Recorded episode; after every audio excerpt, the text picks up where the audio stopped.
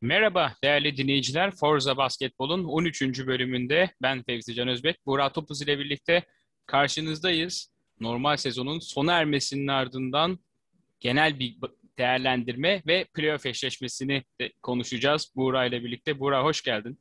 Hoş bulduk, merhabalar.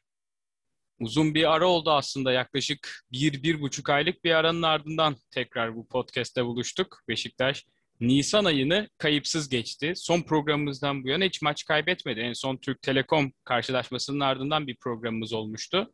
Beşiktaş dolu dizgin playoff'a girmeye hak kazandı. Beşinci sıradan giriyoruz playoff'a ama oraya geçmeden önce son maça da bir değinmek istiyorum. Geçtiğimiz günlerde oynandı hatta dün oynandı. Bu da programın kayıt tarihine ilişkin bir spoiler olsun izleyici dinleyicilerimize. Pınar Karşıyaka ile İzmir'de Mustafa Kemal Atatürk Karşıyaka Spor Salonu'nda karşı karşıya geldi Beşiktaş ve sağdan 81-80'lik galibiyetle ayrıldı. Formalite maçıydı ama hani güzel bir zafer oldu bence Beşiktaş için. Sen ne dersin? İki takımın da çok majör eksikleri vardı ama Beşiktaş tam 6 yıl sonra e, Karşıyaka deplasmanından galibiyetle ayrılmayı başardı. Böyle bir detay da vermek istiyorum değerlendirmeden önce. Beşiktaş'ın galibiyeti aslında şu bakımdan kıymetli. Takımın en önemli oyuncularından bir tanesi Alperen Şengün sahada yoktu. Ee, ve buna ek olarak e, yabancılardan en iyi oyuncu James Blackman da sahada yoktu. Yani maç öncesinde deselerdi ki Beşiktaş'ta hem Alperen yok hem de James Blackman yok. Beşiktaş'ın hücum düzeninde çok zorlanacağını ve maçta çok ön plana çıkacak bir performans sergileyen oyuncu bulamayacağını düşünüyorum. Ama çok şaşırtıcı ki Beşiktaş deplasmandan bir sayılık bir sayılık da olsa galibiyetle ayrılmayı başardı. Abi senin dediğin gibi aslında formalite icabı bir maç oynandı. Karşıyaka da üçüncülüğü garantilemişti. Beşiktaş da beşinci sırayı garantilemişti ama bence Beşiktaş adına çok önemli bir galibiyet oldu. Tabii ki diğer oyuncuların işte Şehmus çok az süre aldı, Blackman oynamadı, Alperen oynamadı ama benim için en dikkat çeken oyuncu Ercan Osmani. Çünkü Beşiktaş'ın dört numara rotasyonunda e, Ahmet Hoca'nın kullandığı üç isim var. E, Ercan Osmani, Sadık Emir Kabaca ve Egehan Arna. E, Sadık Emir Kabaca 22 dakika süre almış ve Ercan Osmani 17, Egehan da 14. Bu Beşiktaş'ın Tofaş eşleşmesi öncesinde isteyebileceği durumlardan bir tanesi. Çünkü karşı tarafta Tomislav Zubcic gibi bir oyuncu var. Yani bu oyuncuyu tutmak için zaman zaman belki Beşiktaş Alperen Furkan modeline dönebilirdi ama Karşıyaka maçında e, Sadık'ın bu kadar süre almış olması hani performansı tartışılabilir ama en azından süre almış olması, Ercan'ın ve Egehan'ın aldığı süreleri çok iyi değerlendirmesi seri için e, seri öncesi çok önemli bir ışık oldu Beşiktaş adına. E, yani benim şimdilik söyleyeceklerim bu kadar Karşıyaka maçıyla alakalı. Evet, Karşıyaka'nın aslında şöyle bir defekti var diyebilirdik. Onlar da Avrupa Kupası oynadılar biliyorsun. Avrupa'dan geri geldiler ve üzücü bir mağlubiyet de aldılar. Öyle bir sıkıntı oldu Karşıyaka'da. Yani bir final kaybederek geldiler ve hemen ardından zaten bir erteleme maçıydı. Beşiktaş'la oynadılar. Onlarda da eksik ama Tembaye hiç forma giymedi ve Jeffrey Morgan, Reimer Morgan da sadece 9 dakika sahada kaldı. Buna rağmen güzel bir sezon bitişi oldu. Beşiktaş I Crypex için diyelim takımı kutlayalım. Bu arada program yapmadı dedik. Hemen o son seriden de program yapmadık dedik ama o son programdan bu yana oynadığı 4 maçını da kazandı Beşiktaş ve 6'da 6 ile bitirdi sezonu. Son kaybettiği maç da, son kaybettiği gözüken maç parantez içinde olaylı Tofaş maçı. O son saniye basketinin verilmediği maç. Onu da e, şayet Beşiktaş kağıt üzerinde de olsa galip tamamlamış olsa onda onla bitirecekti sezonu. Ve playoff'taki potansiyel rakibi Efes dışındaki son mağlubiyeti Efes olmuş olacaktı. Sence bunun mental etkisi ne olur takıma? Çünkü her türlü kazanmaya başladı Beşiktaş. Son maçları her ne kadar gazozuna demeyeyim de formalite icabında geçmiş olsa da büyük bir özgüven var herhalde takımda. Abi zaten en son söylediğin kelime bence anahtar kavram özgüven. E, bu arkadaşlar sezon başında e, Gaziantep maçına kadar bütün maçlarını kaybettiler. Bir koç değişikliği oldu. Yabancı oyuncular sene başında e, çok kötü tercihler yapıldı yabancı oyuncular konusunda ve devamında bu oyuncular değişti. Yeni oyuncular geldi. Bunların adaptasyon süreci oldu.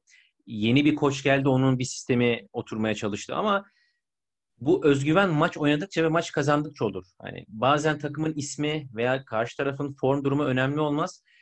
Siz maç kazandıkça hem fiziksel olarak hem de mental olarak o istediğiniz eşeğe gelebiliyorsunuz. Beşiktaş Gaziantep maçında bunu kırdı. Her ne kadar bir sonraki hafta Petkim deplasmanında mağlup olsa da Beşiktaş devamında Bursa maçına kadar çok önemli bir galibiyet serisi yakaladı. E, Bursa maçıyla beraber Beşiktaş ligin ikinci yarısına başlamış oldu ve ligin ikinci yarısında sadece 3 mağlubiyeti var Beşiktaş'ın. Bir akatlarda Bursa mağlubiyeti, Sinan Erdem'de Efes mağlubiyeti ve halen tahkim kurulundan dönmeyen Tofaş mağlubiyeti var.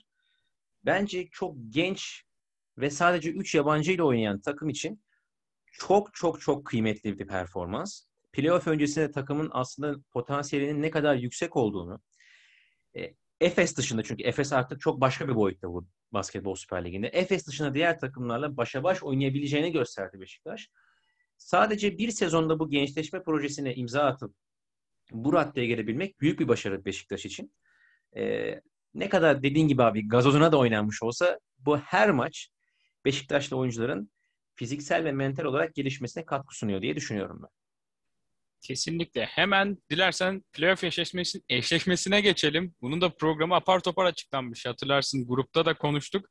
Cuma günü Beşiktaş Tofaş ile karşı karşıya gelecek. Bursa'da Tofaş Spor Salonu'nda büyük bir basketbol şöleni olacaktır diye tahmin ediyorum. İki tane basketbol, biri basketbol kültürünü oluşturmuş bir takım, diğeri de bildiğin gibi bu sezon gençlerle oynayan Beşiktaş. Nasıl bir seri olur, nasıl bir eşleşme olur? Nitekim iki takımın da birbirine güçlü gelen, denk gelen ve hatta ve hatta ters gelen kısımları var. Sen neler düşünüyorsun bu konu hakkında? Serinin kilit noktası, kilit eşleşmesi sence kimler olur? Şunu belirtmek gerekiyor abi. Anadolu Efes, Gaziantep, Fenerbahçe Beko, Darüşşafaka ve Karşıyaka Telekom eşleşmeleri bana göre tek taraflı eşleşmeler. Yani ligi ilk üç sırada tamamlayan takımlar e, yarı final aşamasında 2-0 çok rahat bir şekilde geçebileceğini düşünüyorum. Belki Pınar Karşıyaka çok fazla maç yapmanın vermiş olduğu yorgunlukla seriyi 2-1 kazanabilir ama Efes ve Fenerbahçe Beko 2-0'la geçer. Bu eşleşmeler arasında yani bu seneki playoff eşleşmeleri arasında tahmin edilemeyen ve rekabet kavramına açık olan tek seri Tofaş Beşiktaş Aykraypek serisi. Çünkü senin dediğin gibi abi Tofaş'ın mesela kısa oyuncuları gerçekten çok yaratıcı. Beşiktaş belki burada çok zorlanabilir. Özellikle savunma anlamında. Çünkü Devon, Akun, Purcell, Semay Christian ve Tarık Philip hem çok size'lı hem çok hareketli ve skor gücü yüksek oyuncular. Beşiktaş'ın burada savunması gereken, savunmada kullanması gereken oyuncular Joel Berry, Markel Johnson, e, Mehmet Yağmur gibi oyuncular. E, Mehmet Yağmur her ne kadar savunma yönüyle ön plana çıkmış olsa da aslında Akun Purcell, Christian ve Philip gibi oyuncuları çok net savunabilecek bir oyuncu değil. E, Mark, Markel Johnson ve Joel Berry'nin ilk Avrupa deneyimleri. Yani Basketbol Süper Ligi'nin playoff havasını ilk defa soluyacak oyuncular. Ama Beşiktaş'ın şurada bir avantajı var. Pota altı rotasyonunda bence çok bariz bir üstünlüğü var. Özellikle Alperen Şengün ve e, Furkan Haltalı, Jeremy Simmons, Muhsin Yaşar rotasyonuna kıyasla çok daha iyi bence. Ama bence bu eşleşmenin en kilit noktası Tomislav Zubcic, Ercan Osmani eşleşmesi olacak. Çünkü e, bu olaylı geçen 89-86'lık maçta Tomislav Zubcic çok enteresan bir üçlük yüzdesiyle oynadı. Ercan Osmani çok iyi savunmaya çalıştı ama e, eli o kadar sıcaktı ki Tomislav Zubcic'in el üstü şutlar bile so- e, sokmaya başladı. Burada Ercan Osmani ve Egehan Arna'nın Zubcic karşısındaki savunma performansı serinin ibresini değiştirecek e, bir parametre diye düşünüyorum ben. Onun dışında Şemus Hazer de bence çok önemli bir etkiye sahip. Çünkü birden dörde kadar, beş numara haricinde birden dörde kadar diğer oyuncuları savunabilecek potansiyelde. Onun da ayaklarının çabuk olması, atletizm e, seviyesinin yüksek olması e, bir avantaj. Ama şöyle bir e, sıkıntısı var Şemus Hazer'in. Toplu oyunlarda çok zorlanıyor. Yani toplu oyunlardan kastım şu. Isolation oynaması gerekiyorsa veya Alperen'i, Furkan'ı çağırıp pick and roll oynaması gerekiyorsa karar verme aşamasında bazen çok zorlanıyor. Özellikle ters taraftan yardım geldiği zaman e, yani teşbihte hata olmaz. Gözüne far tutulmuş tavşan gibi olup bazen istemediği top kayıplarına e, sebebiyet gösterebiliyor takımı halinde. E, bundan dolayı Şehmuz'un performansı da çok önemli olacak. Ama dediğim gibi Zubcic, Ercan Osmani eşleşmesi bu playoff eşleşmesinin en kilit noktası diye düşünüyorum. Kesinlikle Zubcic hatta yanlış hatırlamıyorsam 5'te 5 ile başlamıştı o karşılaşmaya. Akabinde tabii kaçırdıkları da oldu ama hemen bakayım kaç. 26 sayıyla tamamlamış o karşılaşmayı. Yani çok sıra dışı bir performans aslında. Zubcic için de tabii ceza şutu, ceza şutunun olduğunu, bir ceza şutörü olduğunu biliyoruz kendisinin. 4 numaradan böyle bir katkı verebildiğini biliyoruz ama o çok ekstra bir katkı olmuş hakikaten o gün. Bakalım ben de şu konuda çok net katılıyorum. Şehmus'un bazen biliyorsun kontrolden çıktığı anlar oluyor. Her topu aldığında hani gözüne ışık tutulmuş tavşandan öte freni patlamış bir kamyon gibi sağa sola çembere gittiğini, koştuğunu görebiliyoruz ve takımı düzen dışına çıkardığı oluyor. Bence Beşiktaş düzen dışına çıkmazsa şansı pek az değil Tofaş'a karşı. Her, her ne kadar normal sezonun son maçını, son mağlubiyetini Tofaş'tan almış olsa da pota altında dediğin gibi Alperen'in güçlü performans göstereceğini düşünüyorum. Kaldı ki bugün draft'e katılacağını da açıkladı. NBA seçmelerine katılacağını açıkladı Alperen. Sezonu güçlü bir şekilde bitirip dipnotu beni açıkçası heyecanlandırdı. Alperen'den böyle bir mesaj duymak. Bir basketbol sever olarak en başta beni çok heyecanlandırdı. Bakalım Beşiktaş'ın da bütün tehlikeli oyuncuları, silahları sahada yer alacak gibi gözüküyor. Sezonun son maçında Pınar Karşıyaka'ya karşı gördüğümüz performansla bunu ispatlar nitelikte. Başka bir X faktör çıkar mı sence? Yani bu da bu da bunu yapmazdı dediğimiz mesela Zubcic tabii çok net bir X faktör olmuştu son maçta. Ama bu seride olur mu sence? Serinin genelinde. Çok beklenen şeyleri konuştuk çünkü. Sürpriz performans diyebileceğin kim olur peki? Şimdi şöyle abi. Ben Tofaş kadrosunu üçe böldüm bu programdan önce. Bir yabancı rotasyon işte Akun Pursel, Christian Phillips, Zubcic, Jeremy Simmons. Bir de katkı alabildikleri yerli oyuncuları ele aldım. Berkan Durmaz, Berk Uğurlu, Muhsin Yaşar. Bir de biraz daha backup'ta olan yani arka planda olup yerli oyuncu olan Alihan Demir, Batun Tuna gibi oyuncular var. Şimdi Alihan Demir ve Batun Tuna'nın bu eşleşmede X faktör olacağını düşünmüyorum. Muhsin Yaşar'ın da yani eğer çok günündeyse bu X faktör olabileceğini düşünüyorum ama Alperen ve Furkan'ın buna çok müsaade edeceğini düşünmüyorum. Burada benim en e, çekindiğim daha doğrusu en böyle X faktör olabilecek e, potansiyelde gördüğüm oyuncu Berk Uğurlu. Fenerbahçe çıkıştı Berk Uğurlu. Karşıyaka'da bir kiralık süreci vardı ve Tofaş'ta şu an bence gayet süre sorumluluk açısından önemli bir konumda. Beşiktaş'ın kısa savunması benim için büyük bir sıkıntı teşkil ediyor. Yani büyük bir soru işareti bence Beşiktaş'ın savunması. Kısa savunması özellikle. Burada eğer Beşiktaş kısa savunmasında bir konsantrasyon kaybı yaşarsa devamında toparlanamayıp sadece yabancı oyunculardan değil Berk Uğur'un karşısında da zorlanabileceğini düşünüyorum. Ya aslında ben bu eşleşmeyle alakalı şöyle bir analizde bulunmak istiyorum. Ee, bazı takımlar hücumdan güç alır, bazı takımlar da savunmadan güç alır. Örnek veriyorum mesela Fenerbahçe çok iyi bir savunma yaptıktan sonra yarı sahayı iyi geçtiği zaman e, rakibini çok iyi cezalandırabiliyor. E, çok iyi isolation oynayabiliyor yarı sahayı hızlı geçtiği zaman. Transition hücumları çok iyi değerlendirebiliyor. Ama Anadolu Efes e, biraz daha set set basketbolu oynayabilen, 5'e 5 basketbolda isolation kavramlarını çok iyi oturtabilen ve belli setleri rakibine dikte ettirebilecek bir takım. Beşiktaş ise Efes'ten ziyade Fenerbahçe gibi iyi savunma yapıp, reboundları toplayıp yarı sahayı çok hızlı geçen ve rakibini çok çabuk cezalandırabilecek potansiyelde olan bir takım. Ki bunu gençliği ateşinden de alıyor biraz Beşiktaş. Burada şöyle bir tehlike var. Eğer Beşiktaş savunmada çok fazla gömülürse, yani Jeremy Simmons'ı savunabilmek için veya Akun Pursel, Christian Philip gibi oyunculara penetre şansı vermemek için çok fazla gömülürse Zubcic gibi oyunculardan ve Berk Uğurlu gibi oyunculardan da dış atış konusunda tehdit yiyebilir. Burada eğer Beşiktaş bu iç savunma ve dış savunma dengesini iyi ayarlayabilirse hücum riba- savunma reboundlarını iyi toplayıp fast breakleri ve transition hücumları çok iyi değerlendirirse de Tofaş'ı çok net bir şekilde eleyebilir. Ama dediğim gibi Beşiktaş ne kadar iyi savunma yaparsa bunu hücuma o kadar iyi yansıtır. Çünkü Beşiktaş Tofaş'ı kıyasla 5'e 5 basketbolu daha iyi oynamıyor. Yani burada Tofaş 5'e 5 basketbolu daha iyi oynayan taraf. Beşiktaş'ın transition ve fast break e, durumlarına dikte ettirmesi gerekiyor Tofaş'a karşı. Bunu söylemek istiyorum. Evet tamamen katılıyorum. Şayet bence hızlı oynayınca da Beşiktaş'ın kontrolden çıkabildiği durumlar oluyor.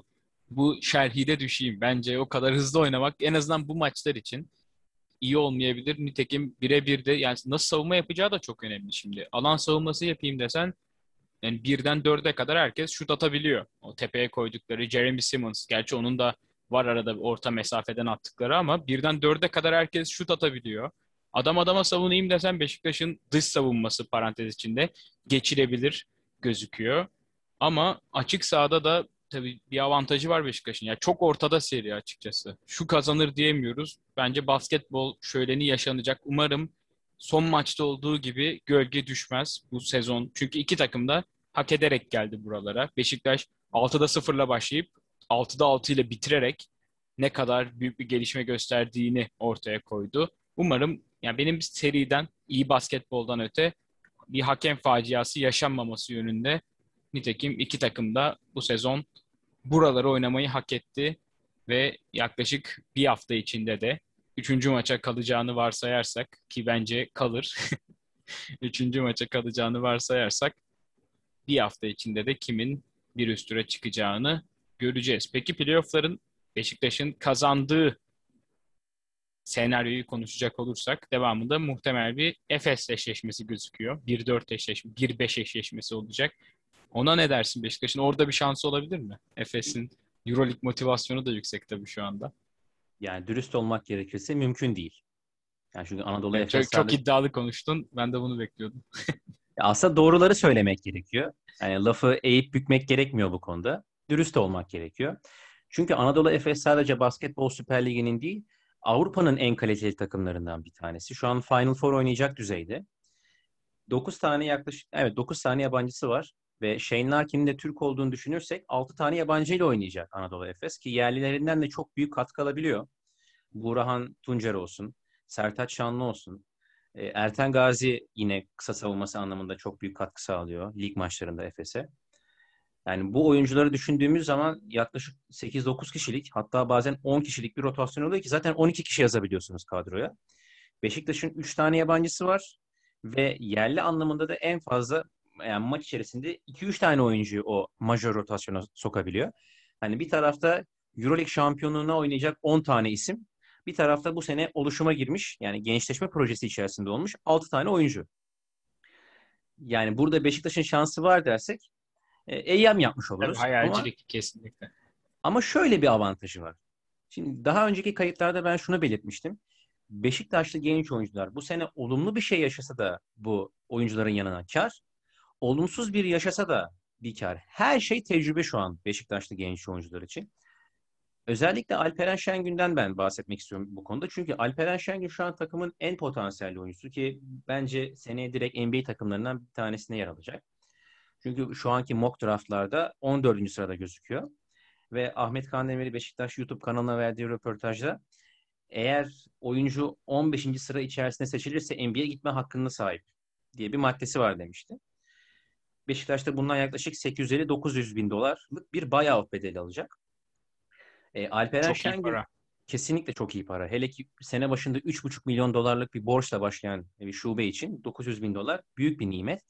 Diğer oyuncuların da kontratlarının kapalı olduğunu düşünürsek Beşiktaş eğer oyuncularını elden çıkarmak isterse çok önemli bir gelir elde etmiş olacak. İşte örnek veriyorum Şehmuz, e, Ercan, Furkan Haltalı, e, belki Egehan Arna artık bilmiyorum hangi oyunculara talip olunursa ama işte bu oyuncuların, bu tarz oyuncuların başka takımlara gitmeden veya seviye atlamadan Efes gibi bir takımla maç yapma e, durumu büyük bir tecrübe olacak onlar için. Yani dünyanın tırnak içerisinde söylüyorum. Dünyanın kaç bucak olduğunu, aslında üst seviye basketbolda nasıl bir sertliğin olduğunu, nasıl bir taktik savaşın olduğunu yaşayarak öğrenecekler.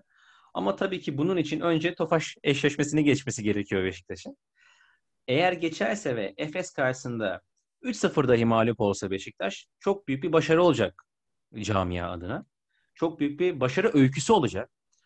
E, çünkü sene başında senin belirttiğin üzere abi 6'da 0'la başlayan ve koç değişikliğine gitmek zorunda kalan bir takımın Efes ile yarı final serisi oynayacak olması büyük bir başarı olacak. Çünkü daha önce 2012 ve 2017'de Beşiktaş final serisi oynadı. Geriye kalan tüm sezonlarda yani son 5-6 yılı kastediyorum işte 2012'den sonrasında. Hatta 2011'de buna geçer, buna dahil.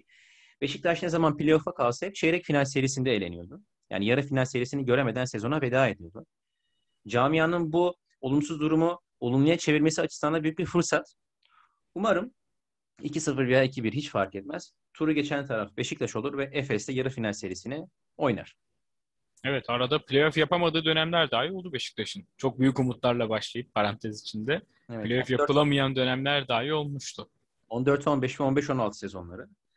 Evet yani o günlerden bugünlere gene iyi gelindi ve bir projeyle gelindi. Yani sonuç ne olursa olsun ben Beşiktaşlı yani Beşiktaşlı basketbol severlerden öte tüm basketbol severlerin bu oyuna fanatik duygulardan öte kalbi duygularla ilgi duyan kişilerin de bu performansı bu performans karşısında saygı duyup alkışlayacağını düşünüyorum. Bakalım umarım bir sonraki program daha pozitif duygularla parantez içinde olur ve devam sonraki programlara devam etme şansı sunar bizlere. Sezonu erken kapatmış olmayız diyorum ve eklemek istediğim bir şey yoksa veda etmek isterim.